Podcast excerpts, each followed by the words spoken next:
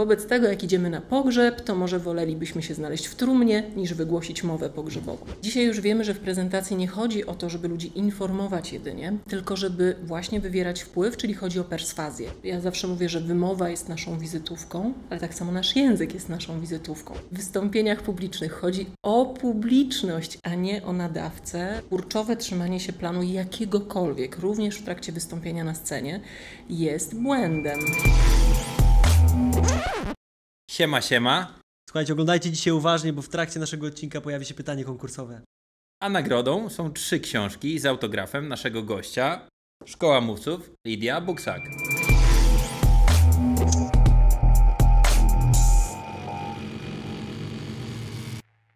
Boom! Witajcie na kanale BFI Logistics, to jest podcast BFI Talks. Ja się nazywam Łukasz i wspólnie z moim przyjacielem Piotrem mamy tą przyjemność rozmawiać z naszymi gośćmi o biznesie, o sporcie, o pasji, o dyscyplinie. Jeżeli kiedykolwiek zastanawialiście się, jak mówić tak, aby zawsze Was słyszano, jeżeli mm, chcieliście efektywnie uczestniczyć w spotkaniach biznesowych, ale nie tylko, a może po prostu dobrze przygotować się do wystąpienia publicznego na scenie e, bądź przed kamerą, to ten odcinek jest dzisiaj dla Was. Nasz gość od 96 roku zajmuje się profesjonalnie treningami medialnymi oraz mm, szkoleniami z zakresu wystąpień publicznych. E, to osoba, która tak naprawdę współpracowała z najbardziej znanymi dziennikarzami w Polsce, e, uczyła ich oraz e, kreowała ich wizerunek. E, strasznie się cieszę, bo dzisiaj chcieliśmy zaprosić Was do siłowni na godzinny trening, ale nie taki tradycyjny, gdzie przerzucamy ciężary, ale trening aparatumowy, trening wystąpień publicznych i wiedzę w tym zakresie, bo jest z nami Lidia Buksak. Witamy serdecznie. Dzień dobry. Dzień, dzień dobry. Dziękujemy, dzień że do dobry. nas przyjechałaś. Dzięki, dzięki. E, Lidia, dla mnie to jest w ogóle wyjątkowy wywiad, bo jesteś moim guru. E, O, Czytałem twoją tak? książkę i myślę, że dla wielu naszych, naszych widzów to będzie wyjątkowy wywiad. E, Jesteś w biznesie już e, 25 lat, pomagasz ludziom, na pewno też obserwujesz zmiany. Powiedz mi, te zasady językowe, wystąpień, tego co się odbywa na scenie, czy jest jakaś taka klasyka? Czy to tak migruje, że w Twoim warsztacie razem z czasem wprowadzasz dużo zmian i tak naprawdę ta nowomowa, wszystko co pojawia się, co przychodzi z zagranicy, staje się taką nową klasyką? Jak Ty to widzisz? Trzymać się zasad, czy iść z duchem czasu? Ktoś mądry kiedyś powiedział, że zasady są ważne, ważne, żeby je znać, a potem trzeba je łamać. I chyba o to chodzi w wystąpieniach publicznych, żeby znaleźć swój sposób e, i wypracować swoje zasady. Oczywiście no, w oparciu o szacunek dla publiczności, dla odbiorców, bo to jest kluczowe.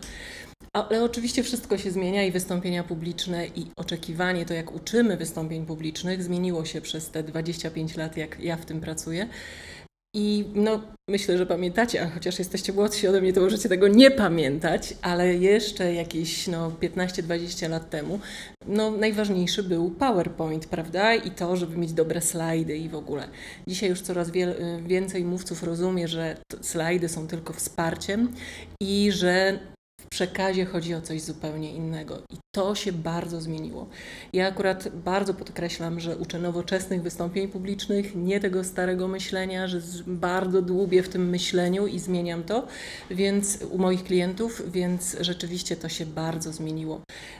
A najważniejsze to, co się zmieniło, i cieszę się, że to zaczyna być rozumiane przez coraz więcej e, osób, to to, że w wystąpieniach publicznych chodzi o publiczność, a nie o nadawcę, czyli nie o mówcę, bo zwykle mówcy chcą sobie zrobić dobrze, występując na scenie, ale chodzi właśnie o tych, do których mówimy. To jest pierwsza rzecz, a druga, no, że w wystąpieniach publicznych, zwłaszcza w biznesie, a tutaj w tym się specjalizuję, chodzi o realizację też swoich celów, ale nie w kontrze do celów i potrzeb publiczności. Więc to się bardzo zmieniło, bo jeszcze jakiś czas temu było tak, że wychodziłeś na scenę, po prostu coś gadałeś na jakiś temat i wszyscy myśleli, że jest ok, ale to nie działało, więc okazało się, że, mm, że potrzebujemy szukać innych sposobów, żeby móc, uwaga, wywierać wpływ na odbiorców.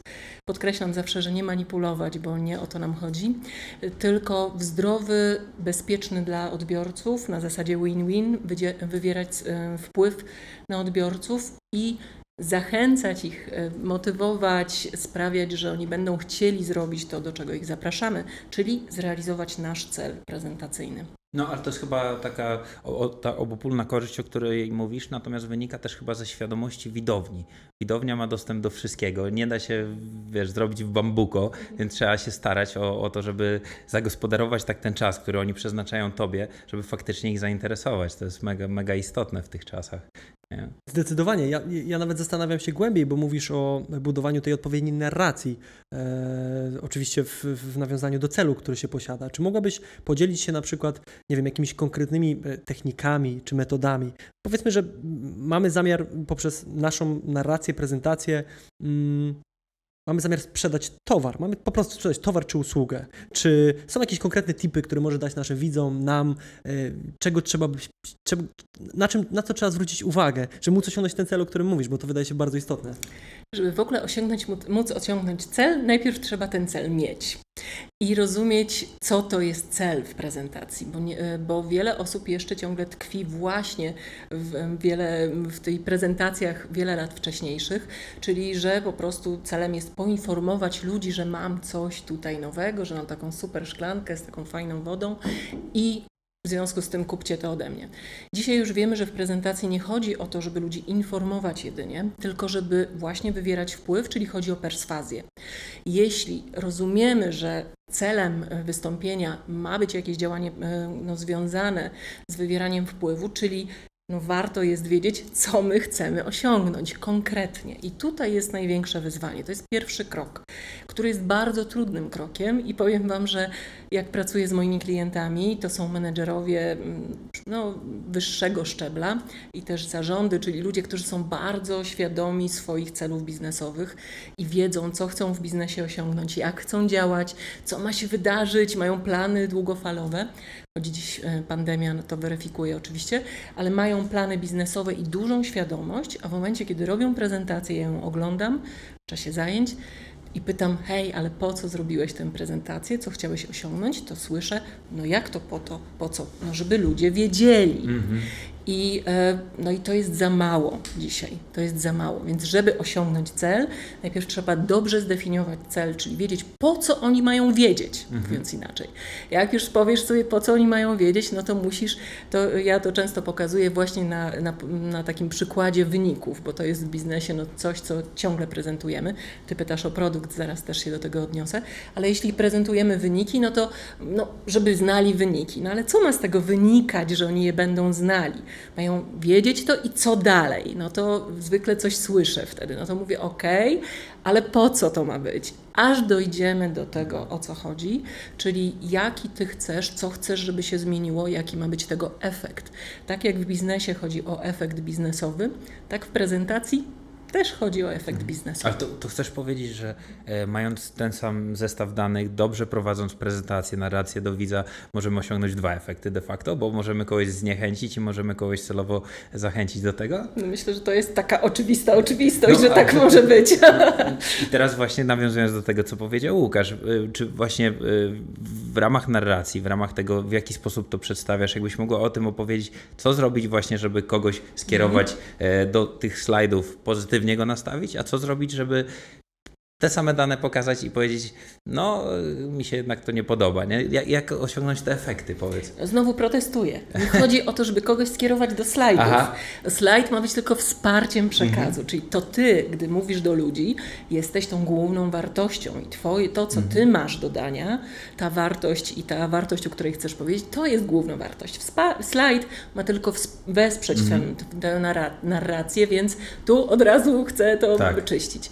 Ale co trzeba zrobić? Zrobić, no trzeba rozumieć, jeśli rozumiemy i odnosimy się do tego, że w wystąpieniach publicznych chodzi o publiczność, to wobec tego rozumiemy, że pierwsze, co mamy zrobić, prezentując nasz produkt na przykład, to odnieść się w prezentacji nie do tego, jaki boski produkt mamy, tylko, bo wszyscy twierdzą, że mają boskie produkty. Jeszcze nie no tak, słyszałam, żeby ktoś powiedział, mój to jest taki średni, tamten jest lepszy. Tak nie słyszałam, ale może to się kiedyś wydarzy, jakaś uczciwość ludzi opanuje. No więc nie wystarczy to mówić, trzeba, żeby ten produkt pokazać ludziom w kontekście ich potrzeb, ich bólu, jaki problem on rozwiązuje. I teraz ludzie myślą, że to jest, no pewnie, no, że tak trzeba, prawda, no bo nie warto sprzedawać rajstop, y, damskich rajstop mężczyznom, no bo mhm. jaki to pro, y, ich y, ból rozwiązuje, no. Chociaż pośrednio. Chociaż może się zdarzyć, że w tak. niektórych sytuacjach na przykład jakiś, jakiś produkt pończoszniczy tak. się przyda i można byłoby mężczyznom to zaproponować, ale ogólnie no, na pierwszy taki pomysł, tak. no to mm, mamy tutaj daleką potrzebę. Więc jeśli chcemy dobrze sprzedać produkt swoją y, narracją, to musimy rozumieć, jakie są potrzeby odbiorców. A potrzeby odbiorców są trzy i to w dodatku zawsze takie same, więc to jest proste.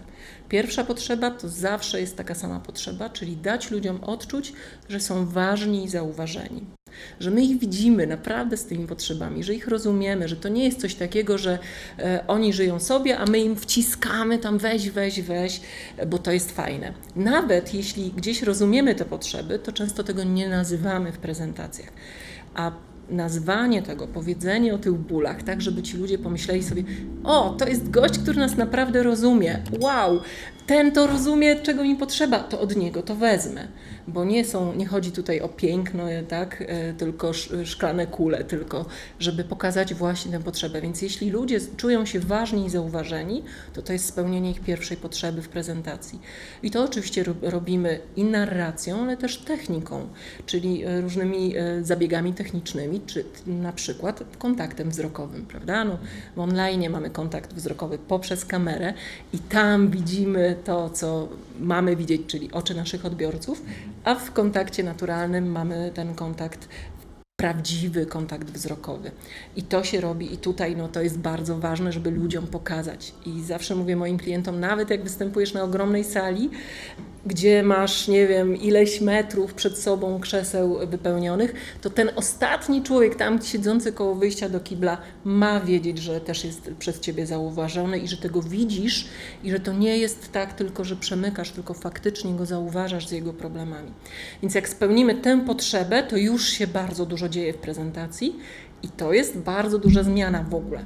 Druga rzecz, no to druga potrzeba odbiorców, którą musimy spełnić, żeby ludzie, którzy nas słuchali, mieli poczucie, że mówimy do nich i o nich i że to jest odpowiedź na ich potrzeby, jest po prostu sprawić, żeby no rozumieli, co mówimy. Czyli po pierwsze mówić w przyzwoity sposób, tak, żeby na przykład nie mamrotać, albo nie mówić tak szybko, że nikt nic nie rozumie, ale po drugie, żeby rozumieli to, o czym mówimy, tak, czyli ten język, żeby nie był, żebyśmy się na przykład nie snobowali na znajomość super ważnych, mądrych słów. No to to jest druga potrzeba, bo jeśli ktoś nie rozumie, o czym mówimy, no to nie poczuje tej magii, chęci zakupu tego czegoś. No i trzecia potrzeba, która musi być spełniona w prezentacji biznesowej, to jest powiedzieć ludziom, co oni będą z tego mieli. Czyli jest, masz taki ból człowieku, tak, to jest ta pierwsza potrzeba, ale jak skorzystasz z tego, jak pójdziesz za tą ideą, jak kupisz mój produkt, to znajdziesz taki, e, takie rozwiązanie i to będzie Twój zysk, to zyskasz. Bo tak jesteśmy skonstruowani, myślę, że większość z nas, że nie za bardzo lubimy robić za darmo, więc jak nas prezenter namawia do jakiegoś wysiłku, zakupu, poświęcenia czasu czy pieniędzy, no to chcielibyśmy mieć jakąś wartość po drugiej stronie. I jak odpowiadamy naszymi prezentacjami na te trzy podstawowe potrzeby, to wtedy cała narracja jest nie tylko ciekawa dla odbiorców, a nie tylko dla samego prezentera, dla odbiorców, ale też skuteczna. Super. Ja jestem ja, dużo ja, mądrzejszy od razu. Tak, znaczy zdecydowanie. Mi w ogóle też przypomniało się, bo ty mówisz o tych trzech potrzebach, bo tak zeszliśmy na e, poziom e, prezentacji sprzedażowych. Ja kiedyś słyszałem też o trzech zastrzeżeniach, które może mieć słuchacz, czy też klient. I to są zastrzeżenia dotyczące albo ciebie, albo twojego produktu, ceny, jakości, etc., albo marki, którą prezentujesz. I tak naprawdę ciężko znaleźć inne zastrzeżenia, które może mieć. Więc y, no, ja przynajmniej nie doszukuję się. Natomiast ty... Ja widzę tutaj takie okay. jeszcze jedno może, takie, że nie nawiązaliśmy relacji, czyli to jest pośrednio się wiąże z każdym z tych zastrzeżeń, o których powiedziałeś, ale jednak no, pokazuje, że właśnie bez relacji e, i tak nie sprzedamy. Tak, a jeżeli, jeżeli, jeżeli już jesteś przy tej relacji, bo rozmawiamy o prezentacjach, jak wspominasz, masz klientów, którzy pewnie przed tysiącami ludzi występują, natomiast y, My mamy dużo spotkań takich e, kameralnych, biznesowych, tradycyjnych, gdzie spotykamy się 2 na 2, 2 na 1, no w, różnej, w, różnej, w różnej korelacji. Natomiast e, Właśnie to, to, to, co mnie bardzo interesuje, to czy podobne zasady obowiązują również w takich spotkaniach biznesowych, czy to jest zupełnie inna szkoła? Mhm. Tutaj wychodzi, musimy dotknąć tego, co to jest wystąpienie publiczne, bo zwykle to jeszcze ciągle pokutuje, chociaż to myślenie się zmienia. Zwykle ludzie myślą, że wystąpienie publiczne to jest właśnie to wielkie wystąpienie, gdzie stoisz na jakiejś scenie, reflektory ci walą po oczach, tysiące ludzi, yy, gwizdże, wygwizduje cię albo brawo ci byje no to rzeczywiście są duże wystąpienia publiczne. Ale moje myślenie o wystąpieniach publicznych jest takie, że nawet spotkanie jeden na okay. jeden to jest wystąpienie. Zawsze mówię, że randka jest wystąpieniem publicznym, bo też chcesz zrobić wrażenie, też chcesz przekonać do siebie, też się chcesz pokazać jako błyskotliwy czy błyskotliwa, atrakcyjny, atrakcyjna. No i co chcesz dalej? Chcesz, żeby to trwało, czyli chcesz mieć trwałą relację, która zaprocentuje jakoś, zakładając, że będzie ta chemia. No i y, tak samo jest z każdym spotkaniem z klientem, więc jeśli byśmy tę metodę zastosowali i tak robią, bo większość moich klientów mówi o tym, słuchaj, ale ja mam spotkanie tylko z zarządem, dwie osoby tam są w tym zarządzie, to nie jest jakieś wielkie wystąpienie, ależ jest to wystąpienie. Jest to wystąpienie. Każda komunikacja, zwłaszcza wtedy, kiedy chcemy wywrzeć wpływ, osiągnąć jakieś cele, do, mieć z tego coś, jest wystąpieniem publicznym. W mojej ocenie oczywiście, pewnie można się ze mną nie zgodzić. Super. A jeżeli już jesteś w trakcie takiego wystąpienia, spotkania, yy, czy powinnaś się, powinnaś się przejmować yy, jak ci idzie błędami, które, bo no, chociażby my tutaj często nam się zdarza wypowiadać w taki sposób, że później łapiemy się za głowę.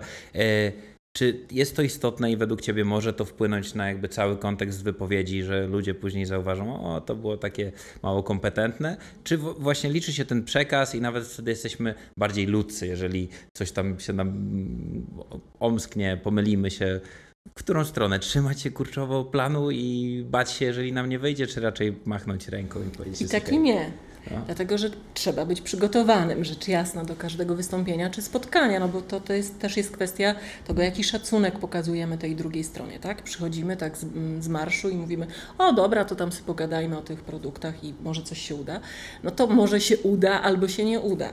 Więc to jest, na pewno trzeba być przygotowanym, ale kurczowe trzymanie się planu jakiegokolwiek, również w trakcie wystąpienia na scenie, jest błędem, dlatego że y, jest niebezpieczne po prostu, bo jeśli rozumiemy znów, że wystąpienia publiczne są dla ludzi po drugiej stronie, nie dla nas, czyli my mamy zrobić wszystko, żeby ci inni ludzie byli zadowoleni, żeby oni mhm. dostali tę wartość, a dzięki temu, y, żebyśmy my też mieli y, wartość dla siebie, to jeśli najpierw się opiekujemy naszą publicznością, no to rozumiemy, że nie ćwiczymy na scenie. Nie robimy, nie myślimy, nie możemy się skupiać, mamy się skupić na nich, na tym, jak im, tym ludziom stworzyć dobrą atmosferę i dać wartość, a nie na tym, czy ja popełniam błędy. Ćwiczy się przed wystąpieniem i uczy się na przykład dykcji, czy głos się poprawia, czy jeśli ktoś, nie wiem, teraz mam takiego klienta, który no po prostu co drugie słowo wrzuca e, taki pomocnik pod tytułem jakby. No i e, tam go oczywiście ćwiczę i pilnuję.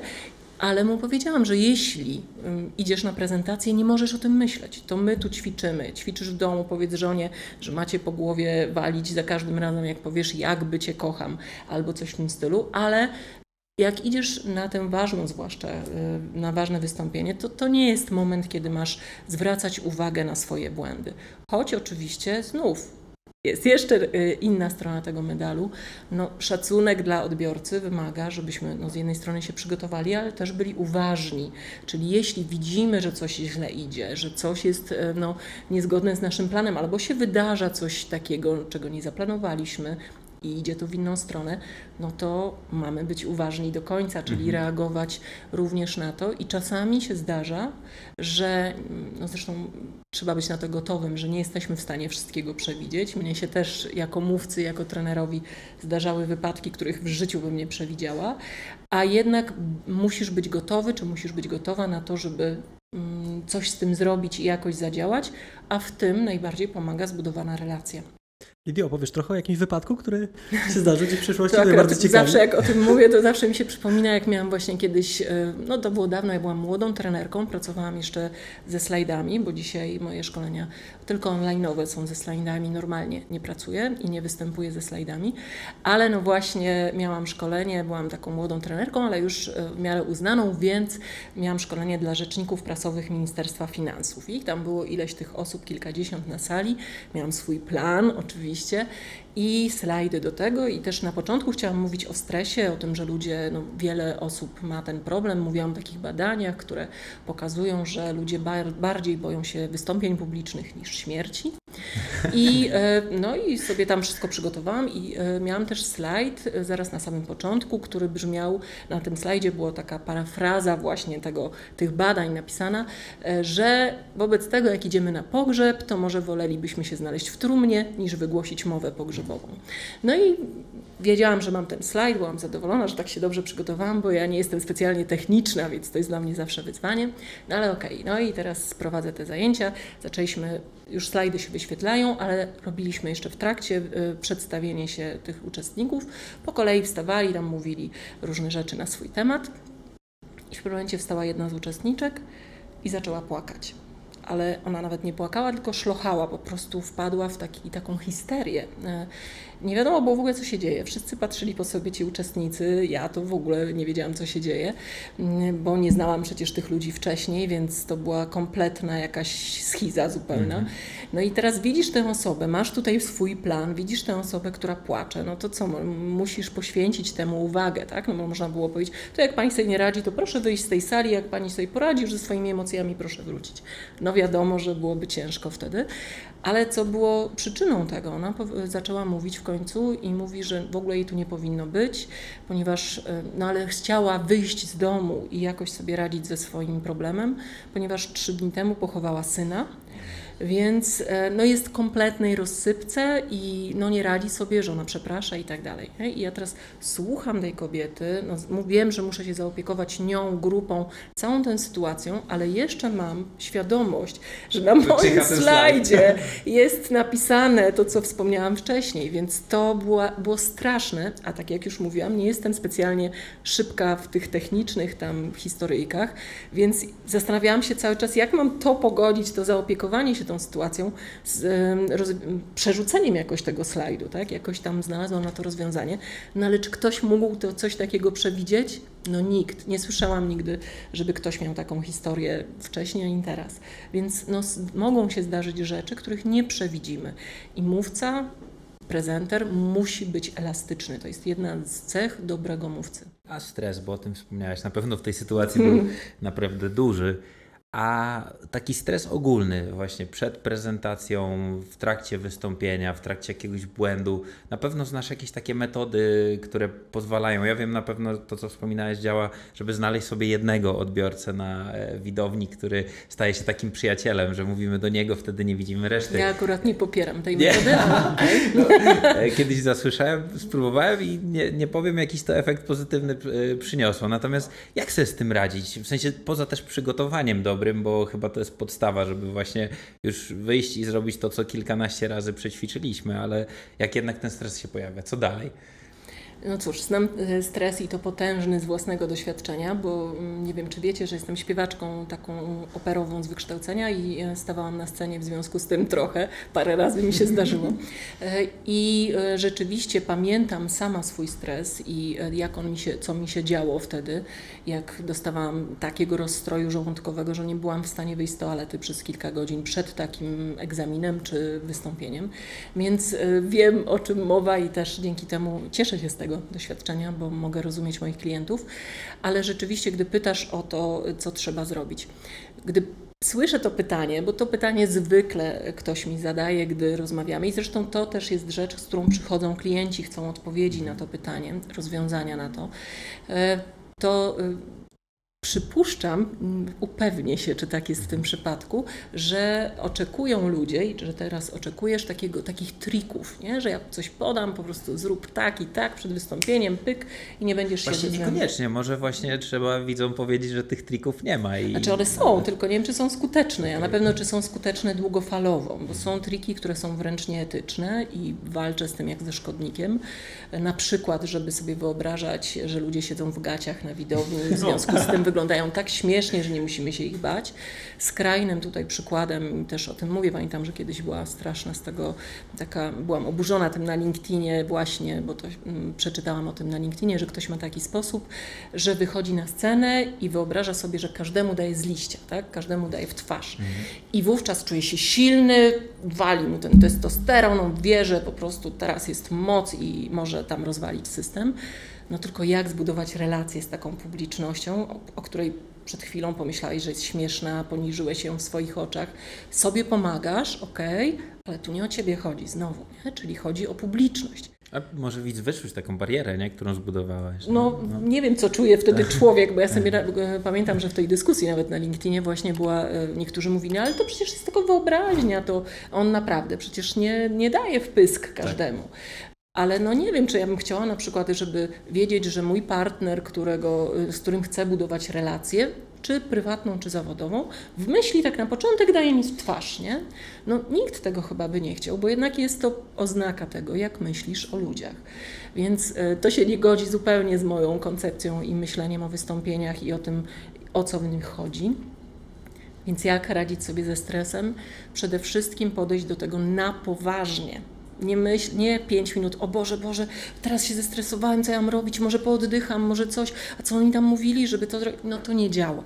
To się tylko nakręca, ponieważ wtedy nasz mózg, no, mm, dostaje informację, którą ma się zająć, a to, o czym myślimy, temu nadajemy znaczenie, więc jeśli nadajemy znaczenie tej panice, to, to rzeczywiście to idzie nie w tę stronę, jeszcze gorzej jest. Więc tutaj jest kwestia no, radzenia sobie z tym w inny sposób.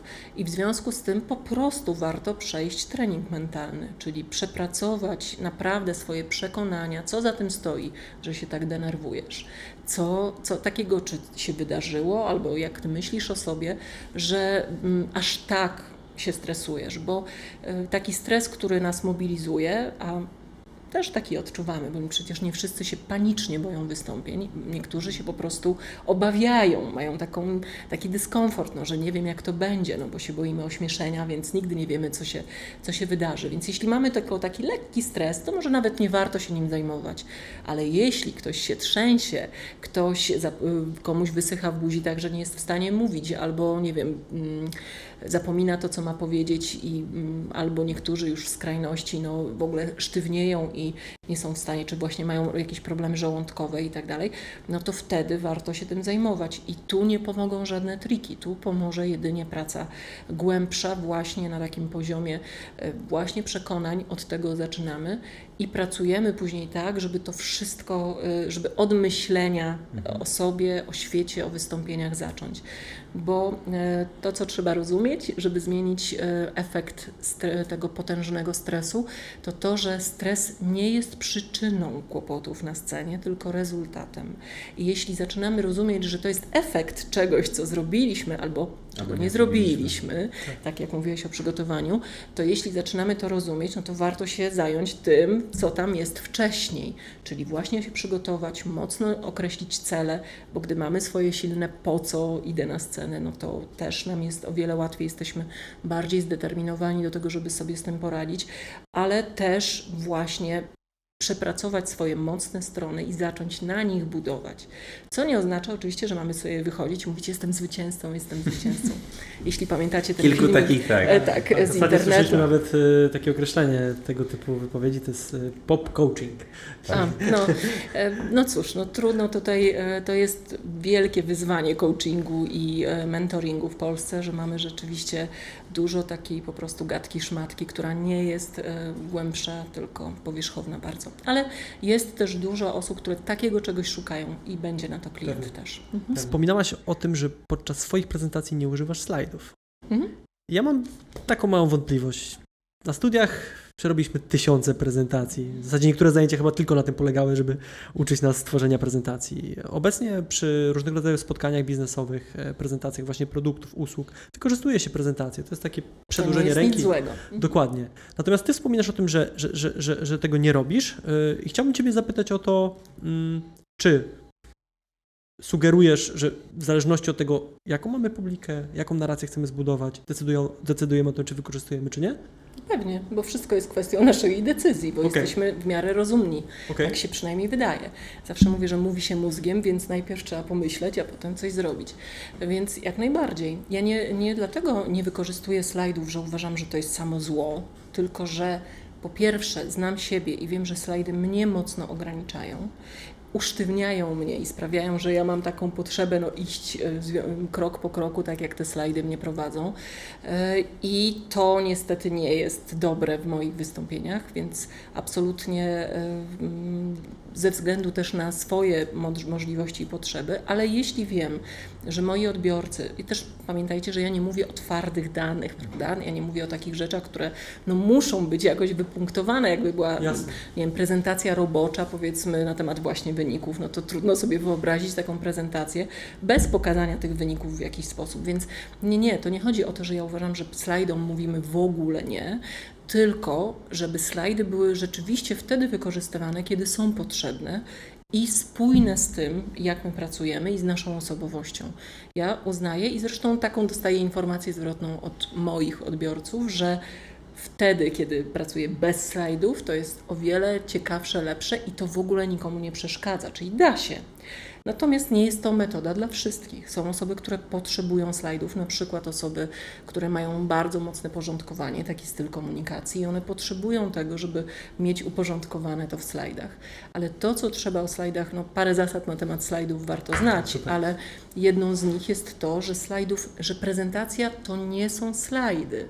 To nie jest slajdo dokument, który, na którym mamy wszystkie informacje wypisane. Slajd ma wspierać, ma być taką kropką nad i, ma być e, podkreśleniem tego, No, o czym taki my efekt mówimy. podbicia, nie? Tak, Tak, tak. Teraz chyba te Mam, prezentacje, e, które jakby skupiają się tylko na przykład na fotografiach albo jakichś takich po prostu... Hasło krótkie, to- jedna liczba. Wtedy tak, wtedy to się mocno utrwala. No z jakiegoś powodu ktoś powiedział, że obraz jest wart więcej niż tysiąc słów, więc warto to, tego używać, ale my doszliśmy do takiego punktu, w którym na slajdach już było tysiąc słów, tak? Czyli ten obraz właściwie był zaprzeczeniem tej idei.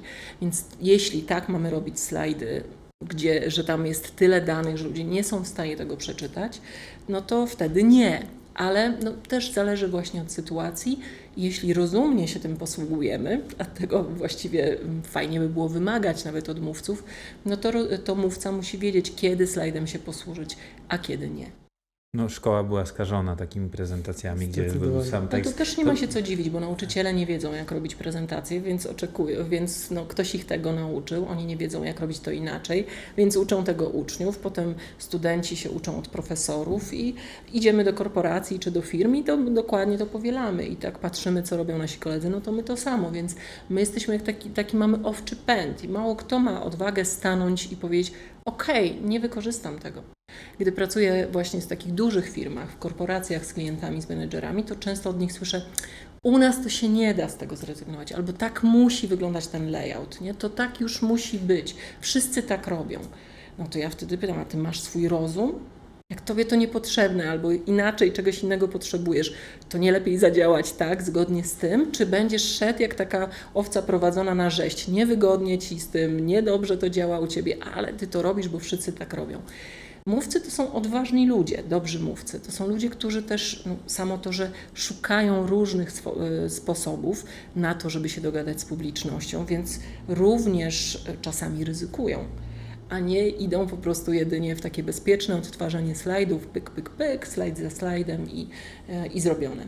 Mhm. A mówisz o tym, żeby e, slajdy były wsparciem, a nie pogadaliśmy jeszcze o tym, jak de facto mówić, bo główną cechą tego naszego komunikatu powinno być zrozumienie przez widza, zainteresowanie go, a w chwili obecnej e, taka jest trochę pompka, e, stosuje się różną taką nową mowę korporacyjną, szczególnie właśnie na tych spotkaniach biznesowych. Czy to jest prosty język, czy powinniśmy iść w tym kierunku, czy e, powinniśmy raczej uciekać od takich zapożyczeń i takiego korpojęzyka? No, w idealnym świecie byłoby tak, żebyśmy wszyscy dbali o polszczyznę i pracowali tak, no, żeby ta polszczyzna była piękna. Ale to jest idealny świat, czyli nierealna sytuacja. I e, niestety, albo stety, po prostu tak jest. Język jest żywym tworem, więc pracuje i zawsze będzie pracował. Będzie dużo zapożyczeń e, z różnych języków i, z róż i również będziemy mieć takie swoje metajęzyki, własne języki w jakichś obszarach. E, I to jest oczywista oczywistość, że tak będzie. Jeśli jesteśmy w jakiejś firmie, która robi coś, nie wiem, firmie IT, która się zajmuje oprogramowaniem, to trudno, żebyśmy teraz próbowali przetłumaczyć na język polski wszystkie mhm. jakieś anglojęzyczne zapożyczenia. E, nie, no, korzystamy z tego i w tej przestrzeni my się rozumiemy. Ale jeśli wychodzimy na zewnątrz, idziemy do no wyobraźmy sobie, że nagle idziemy do przedszkolaków, bo mamy im opowiedzieć mniej więcej fajnie być programistą, no to przecież nie będziemy im opowiadać w taki sposób. Więc znów, jeśli rozumiemy, że w wystąpieniach publicznych chodzi o publiczność, to również rozumiemy, że to w jaki sposób mówimy jest okazaniem szacunku publiczności.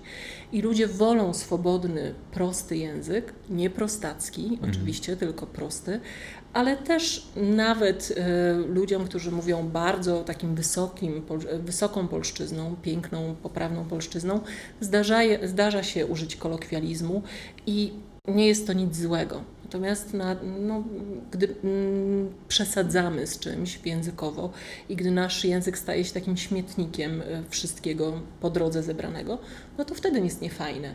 Więc tak mi się wydaje, że fajnie jest, jak my właśnie mm, do, posługujemy się takim językiem, który pokazuje, ja zawsze mówię, że wymowa jest naszą wizytówką, ale tak samo nasz język jest naszą wizytówką. Takim sposobem, po którym, znaczy po tym ludzie poznają, na ile jesteś e, wykształcony, choć przecież bycie niewykształconym nie jest grzechem, prawda? Ale pokazuje, no, jakąś Twoją elokwencję to pokazuje, Twoje oczytanie, Twoje, e, no, to, co, jak działasz normalnie na co dzień. Więc jeśli masz śmietniskowy język, no to pokazujesz w jakiś sposób Jaki to. Ale znam też ludzi, którzy mówią bardzo swobodnie i bardzo kolokwialnie, a robią przekaz taki, że no, po prostu wszyscy i tak słuchają, mówią wow, tak, tego nam było trzeba. Zresztą zobaczcie, no akurat to jest taki dla mnie, to jest antyprzykład mówieniowy, ale mamy coacha Majka, który jest e, no, bardzo specyficzny, prawda, mhm. również językowo. Przecież on ma tysiące fanów, e, tysiące odbiorców i ktoś tego słucha, tak? Ja bym wolała, żebyśmy mówili ładnie, ale no. Będziemy mówić różnie. gdzie prostu. zmierzamy z tym wszystkim, to jest e, temat na inną rozmowę, tak? Mhm. co się podoba, tak, a co nie w, w czasach obecnych. Jesteśmy różni i warto o tym pamiętać, ale gdy mówimy, no to warto myśleć o tym, kto jest po drugiej stronie i czego on potrzebuje. Czy potrzebuje tej, tej swobody, y, tej naszej jedynie autentyczności, takiej, takiej swobody właśnie dużej, czy też potrzebuje czegoś, co jest porządne bardziej. No, no tak, ale to, to, to, co, to, co mówiłaś, jest istotne, żeby pamiętać też o tym styku światów, gdzie IT rozmawia z IT, się zrozumieją, a jeżeli mieliśmy takich y, spotkań setki, gdzie rozmawialiśmy z ludźmi z branży IT i nagle się okazuje, że po spotkaniu dwie inne wizje tej współpracy miały zaistnieć, ale y, też y, tak zauważam, że czasem nasza rozmowa z Łukaszem w stosunku do zespołu, ma 50-osobowy zespół, nieduży, ale i tak jakby poziom nasz, jakby postrzegania biznesu i później komunikat bardzo często się rozjeżdża, nie? Jakby no, miałam okazję doświadczyć trochę to... tego, jak się rozjechały nasze, nasza komunikacja. Może warto opowiedzieć ten przykład. Śmiało. No, Mieliśmy tak. taką sytuację, ale chcę o tym opowiedzieć nie, żeby wypominać, tylko żeby pokazać, że nie ma czegoś takiego w komunikacji, jak oczywista oczywistość. A my, bo my zawsze mówiąc coś, to o tym mówiłeś przed chwilą, zakładamy i to niestety nie jest słuszne założenie. Przyjmujemy e, za słuszne że i prawdziwe, że skoro ja mówię, to ty rozumiesz. Tak samo jeszcze, nie? Bo to, no. Tak, no, no rozumiesz tak, jak to ja rozumiem. No, tak. no bo przecież ja mądrze gadam, no to ty chyba Tak.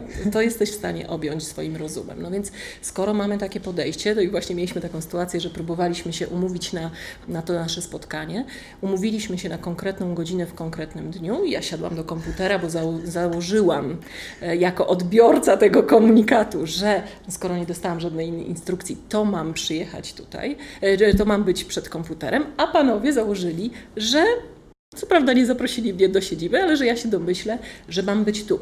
I teraz y, pokazuję ten przykład właśnie, bo tak sobie myślałam, że to jest taki klasyk właśnie w komunikacji, nie? że ja jako nadawca komunikatu myślę sobie, że no, oni muszą rozumieć. Nie? Zdarza się oczywiście jakieś tam wypadki przy pracy, to się zdarza, ale za, to jest nasze założenie i to jest błąd. Bo pracujemy na oczywistościach. Ja, Tak. ja też uznałem, że po tylu podcastach, y, które są na YouTubie? Tak. trzeba przyjść do studia. Mój błąd. Ja nie żałuję, bo to jest super, że jestem tutaj, ale właśnie chodzi o sam fakt, nie? że my za, myśląc, ym, gdy mamy, myślimy o komunikacji, to mamy najprostszy schemat komunikacji świata, na którym możemy budować, czyli jest nadawca, komunikat i odbiorca. I to o odbiorcę chodzi, czyli my jako nadawcy mamy tak nadawać, żeby odbiorca zrozumiał, a nie jest obowiązkiem odbiorcy Zrozumieć, zrozumieć, tak. nadawcę. Okej, ale to musisz koniecznie nam podpowiedzieć w takim razie, bo skoro już jesteśmy tylko przy tym konkretnym ja, case'ie. ja, ja tylko dopowiem klasyka gatunku, bo już przeżyłem to, że to był mój fuck up i oczywiście przeprosiłem, natomiast co się stało? Telefon Lidii nagle magicznie się wyłączył, więc wykonałem 12 połączeń. Przez 24 bez odbioru. godziny Play mi odmówił dostępu do Byłem, telefonu. byłem w tym samym pokoju, Piotrze. Koniec świata, jestem Powiem, że to spalony. pierwszy raz mi się Tak. zdarzyło, że e, telefon mój się tak wyłączył, na, znaczy nie miał zasięgu przez mm, 24 godziny. Ale Tak. to może y, y, nam i, i naszym widzom będziesz w stanie podpowiedzieć, czy istnieją jakieś techniki właśnie, które mogą mm, jakby ten przekaz y, potwierdzić w jakiś sposób. Dać nam tak? pewność, że Dać zostaliśmy pewność, że zrozumieni. zostaliśmy z- zrozumieni. Napisać dokładnie. podsumowanie. Nie? Przykład. follow-up. Napisać podsumowanie, czy, czy podsumować. Tak samo w prezentacji. To jest bardzo ważny moment w prezentacji, kiedy tam no, oprócz tego, że wstęp dobry jest no, kluczowy dla dobrej prezentacji, potem jest ten, ten wsad merytoryczny, kiedy no, dajemy argumentację do naszej, tego, co chcemy uzyskać. No i jest zakończenie i większość ludzi e, w komunikacji uni- znaczy uważa, że zakończenie jest niepotrzebne. No, wszystko już zostało powiedziane, co tu więcej gadać. A tymczasem takie słowo podsumujmy w prezentacji albo w komunikacji mailowej mm, bardzo dużo wyjaśnia, dlatego, że jeśli padnie słowo, no dobra, to rozumiem, że ustaliliśmy to, to i to i to, i wtedy mamy jasność. Wtedy ja widzę, że o kurczę, to chyba nie tak, ja zrozumiałam, tak? To jednak muszę się dopytać. Wtedy wiem, że muszę powiedzieć, ale to ja mam tam przyjechać, czy mam być tu, czy co mam zrobić? Czyli dopytywanie i upewnianie się to jest po stronie nadawcy komunikatu. Nie? No. Miałam, kiedyś opowiadam, y, miałam takiego klienta, który był dyrektorem sprzedaży w dużym banku, no i on mówił, że on to świetnie komunikuje, tylko ci ludzie to debile. I jeśli tak myślimy, nie? że tamci to są debile, no gamonie, no nie rozumieją, ja tu wielki menedżer, czy wielki ktoś mówię coś, a ci nie rozumieją, no to mamy wyzwanie. Nie? Ale wiesz co, ja, ja spotkałem się w biznesie i to jest e, kilka prawdziwych historii, gdzie odbiorca tego podsumowania odebrał to jako ujmę, że e, czemu ja mu jeszcze tutaj przecież on zrozumiał, e, a drugi scenariusz jest taki, że ja wysyłam do pochrony, że przecież ustaliliśmy, po co on jeszcze wysyła jeszcze raz to samo, nie? Także ten odbiór tego mailowo, szczególnie na e, takiej Pewnie to e, zależy, jak się firma, to napisze, firma. czy jak No. się to powie, tak? Bo to nie chodzi o to, żeby to było sztywniackie. I teraz, teraz Wam, Gamonie, powiem na koniec, co ma, mieliście zrozumieć z tego. To nie o to chodzi. Tylko o to, żeby się upewnić, nie? czy wszystko jest jasne i doprecy, e, doprecyzowane. A jeśli chodzi o podsumowanie w takiej rozmowie, to fajnie, jeśli na przykład, nie, no, jeśli mamy mm, problem z użyciem słowa podsumujmy, bo wiemy, że nasz klient na przykład no, obruszy się, że pomyśli, że, nie że sugerujemy, że nie słuchał, no to możemy to w, w inny sposób powiedzieć, zupełnie swobodnie i powiedzieć, słuchaj, no to y, mm, zobaczmy, co tam żeśmy, o czym żeśmy gadali. Mówiliśmy o tym, o tym, o tym.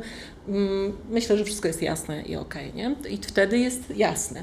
Oczywiście. My, my trochę idąc na skróty, prosimy często na spotkaniach to wewnętrznie w firmie, żeby któryś z uczestników, szczególnie jeżeli my jakby zabieramy głos najczęściej, podsumował i wtedy też jaskrawo wychodzi często, gdzie są te rozbieżności, tak, że ludzie siedzieli i byli na innej prezentacji niż tak, ta, którą, inne. którą robiliśmy. Tak. Tak, tak. Kogo innego słuchali też. Tak. Słuchajcie, ja się zastanawiam jeszcze nad, nad jedną ważną rzeczą, której dzisiaj nie powiedzieliśmy, bo mówimy dużo o mówieniu, o tym, żeby nas zrozumiano, a jak to jest z tym słuchaniem? Mhm. Jakie jest pytanie? Wiesz, dzisiaj bardzo często się słyszy, że słuchanie jest taką e, kompetencją mm, znacznie wyższą niż mówienie. To znaczy, mówi się o tym, że ludzie dzisiaj nie potrafią słuchać, nie słuchają dość uważnie.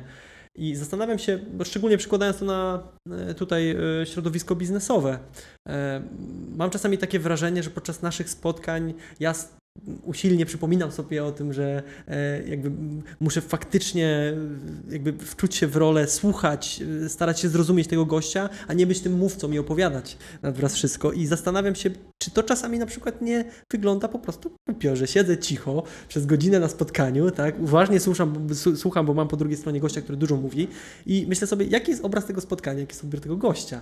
Więc zastanawiam się e, bardzo często, czy na pewno to dobry sposób na to, żeby robić się biznes. Pewnie różnie. Pewnie różnie. No bo są osoby, które mają nadprodukcję słów i mogą bardzo dużo mówić. No i teraz e, one będą przeszczęśliwe, jak przez godzinę pogadają, a ty będziesz grzecznie siedział, słuchał.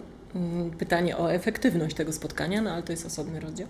rozdział. Natomiast e, no, ogólnie rzecz biorąc, komunikacja polega na wymianie wymianie słów, wymianie energii, wymianie informacji. No więc jeśli ja mówię, to, to, no to się cieszę i miło jest fajnie, jak ktoś słucha, ale potem fajnie jest, jak to jest odwrócone. Naszym największym problemem jest to, że my udajemy, że słuchamy, czyli słuchamy z takim nastawieniem już, co mam odpowiedzieć, a nie rzeczywiście, tak. co, y, co tutaj jest zawartość w tym, o czym mówi ten nasz rozmówca. I to jest y, rzeczywiście słuchanie jest bardzo ważną kompetencją w komunikacji w ogóle, y, ale również w wystąpieniach publicznych. Dlatego, że ludzie często mówią: No dobra, no ale ja stoję na scenie, to co ja tam mam słuchać? Ja po prostu staję, mówię, gadam. No nie. Ty masz słuchać publiczności, widzieć ich reakcje, obserwować, być czujnym, być wrażliwym, nie przewrażliwionym, mhm. tylko uważnym właśnie na, na to, co się dzieje, bo to jest ten sposób, w jaki ich słuchasz.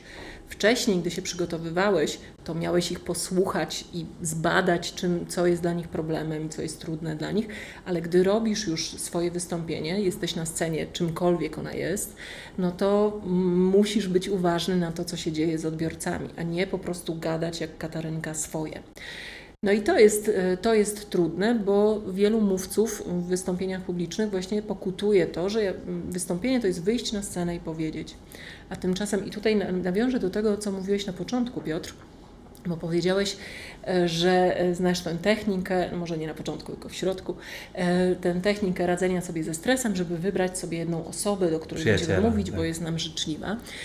Jest to rzeczywiście coś, co pomaga, więc nie mówię, że absolutnie mamy zawsze szukać osób, które wręcz są na nie, ale jeśli zostaniemy w kontakcie tylko z tą jedną osobą y, w trakcie, to będzie wrażenie, że tylko na nią zwracamy uwagę, mhm. tylko jej słuchamy, tylko jej potrzeby tej jednej osoby nas interesują. A jeśli ich jest 10 osób, poza tym 20, 100, 1000, to co, to tylko ta jedna?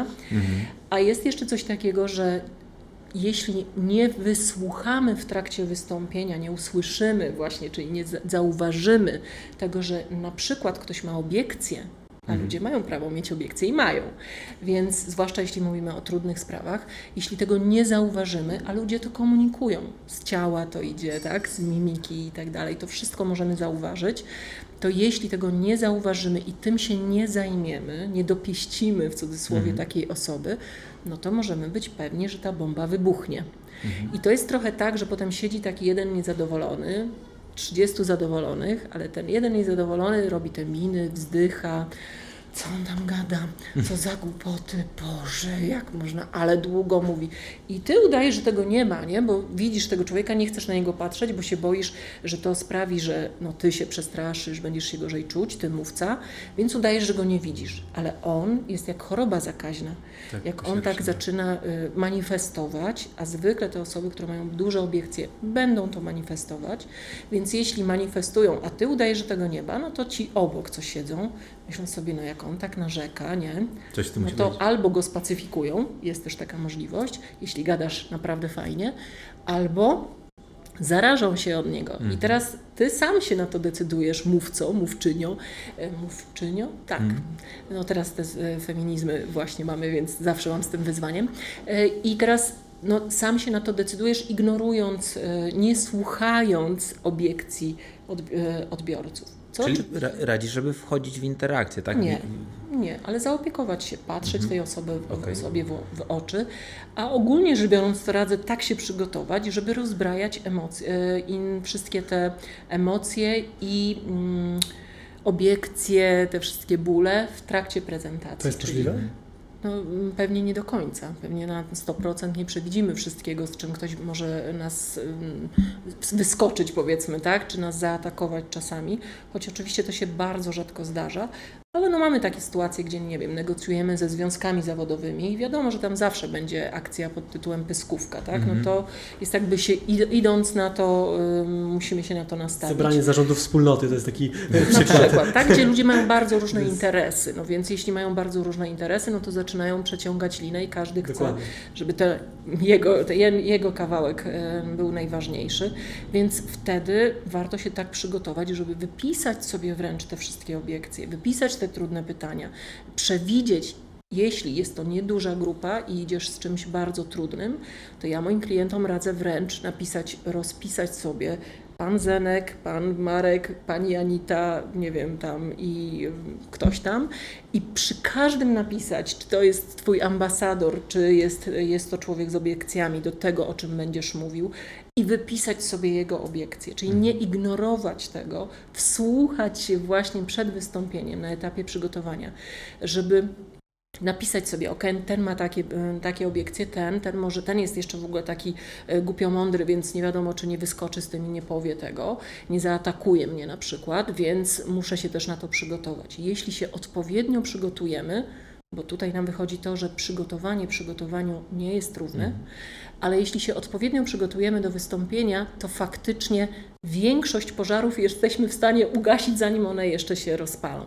Oczywiście nie wszystkie, bo tak jak już mówiłam, no jest kwestia elastyczności i bycia przygotowanym na to, że zdarzy się coś, czego nie przewidzieliśmy, nie zauważyliśmy, bo też jesteśmy w końcu tylko ludźmi, prawda? No, mówcy tak samo popełniają błędy. A masz kogoś takiego, kto przychodzi ci do głowy, kogo można by było przedstawić jako taki wzór? Nie wiem, może twój klient, może ktoś, kogo podziwiasz e, wiem, w telewizji, w radiu, w podcastach, kto, kto zawsze porywa ciebie przemówieniem? Nigdy nie odpowiadam na to pytanie. To jest pytanie, którego wręcz nie lubię. okej. Ale cieszę się, że zadałeś, dlatego że to jest pretekst do tego, żeby powiedzieć, dlaczego nie warto odpowiadać na takie pytania. Dlatego, że y, moje doświadczenie jest takie, że ludzie robią wtedy bardzo szybki skrót myślowy. Aha, powiedziała, że pan X czy pani Z jest super, czyli ja powinienem się nauczyć być taki jak on. Mhm. A tymczasem największa wartość mówcy jest w tym, jaki on jest, na Jest sobą. jest autentyczny Mhm. i prawdziwy i spójny ze swoją treścią. I teraz spójność ze, z treścią to jest jedna z najważniejszych rzeczy, wystąpie, rzeczy w wystąpieniach. I teraz, jeśli ja będę naśladować kogoś, kto został nam mi wskazany jako taki wow, to może się okazać, że robię rzeczy, które są kompletnie niespójne z moją treścią i przez to staję się zupełnie niewiarygodny. Okej. Więc nie, choć pracowałam, tak jak już tutaj na początku któryś z Was wspomniał, z bardzo znanymi dziennikarzami, pracuję z bardzo znanymi e, osobami, to i tak nie podaję nigdy, e, choć często słyszę to pytanie, e, nie podaję nigdy żadnych nazwisk do naśladowania, bo też jestem przeciwniczką bycia doskonałym w wystąpieniach. Okej. To gdzie szukać wiedzy w takim razie? Hmm, no, tam, gdzie się da je znaleźć, tak? no, pierwsze, co przychodzi nam do głowy, to zawsze oczywiście książki, żeby przeczytać, ale no, nie da się, choć sama napisałam książkę o wystąpieniach publicznych, zawsze podkreślam, że y, wystąpień publicznych nie można się nauczyć z książki, bo to nie jest wiedza, którą owszem możesz nabyć większej świadomości, ale na koniec musisz to przepracować, nauczyć się pewnych rzeczy. Więc y, książki tak, bo poszerzają nam w ogóle wyo- wyobrażenie o tym, o co chodzi w tym, ale też no, warto znaleźć książki, które naprawdę nam poszerzą tę, tę, tę przestrzeń, którą mamy, a nie tylko takie, które potwierdzają to, co już myśleliśmy wcześniej o wystąpieniach. No i oczywiście tutaj na polskim rynku jest, mamy y, też mm, jakieś pozycje, ale tak naprawdę czerpiemy z tego, co jest ym, w Stanach, co jest na Zachodzie. Ja zawsze polecam ym, Carmina, y, Carmina Gallo, który napisał na przykład genialną książkę o prezentacjach Steve'a Jobsa, tak się zresztą nazywa ta książka. I pamiętam, że wiele lat temu, jak ją przeczytałam po raz pierwszy, ja byłam zszokowana, że można tak myśleć o wystąpieniach, że tam jest, że tyle tam się rzeczy, to, to takie było nieprawdopodobne podobne i to ciągle jest aktualne. Bo... A, a właśnie, a jak twój odbiór w, w, jakby tego, co przeczytałaś e, versus to, co zobaczyłaś? Jakby to jest spójne? W sensie widać to u Steve'a Jobsa, było widać to u niego na scenie? Wiesz co, no u niego było e, widać jedną najważniejszą rzecz. On nie był mówcą jakimś tam charyzmatycznym, takim jak my sobie wyobrażamy, że biegał, krzyczał i, i był po prostu takim showmanem ale potrafił na sobie skupić uwagę. E, pod, był niesamowicie przygotowany za każdym razem. Tam wszystko było przemyślane do trzewi, do ostatniego e, słowa, także nic nie było przypadkowe. Mm, dzisiaj właściwie idziemy trochę w większą naturalność, więc już tam nie uczymy się na pamięć, tak, absolutnie, czy tam nie, nie, już nie dziubiemy tak, żeby tam było każde słowo idealne, ale no, pewne rzeczy muszą być przećwiczone, na przykład dobry wstęp. E, I on, miał, on rozumiał, o co chodzi w wystąpieniach publicznych. Więc um, czasami ludzie mówią, bo jestem e, fanką Steve'a Jobsa, zresztą książka moja też zaczyna się od cytatu e, Steve'a Jobsa, ale nie dlatego, że ja uważam, że to jest mówca doskonały, tylko dlatego, że pomimo swojej, swojej totalnej introwertyczności, introwertyczności, tak. tak tak, chyba tak to się mówi. E, pomimo tego właśnie swojego takiego e, odpychającego wręcz podobną charakteru, e, jednak jak wychodził na scenę, to robił robotę. I to jest dla mnie kluczowe. I mało. I ci, którzy protestują, że o, Steve Jobs, dzisiaj jest tylu innych lepszych, proszę bardzo. Kto? I czy ty robisz tak jak on?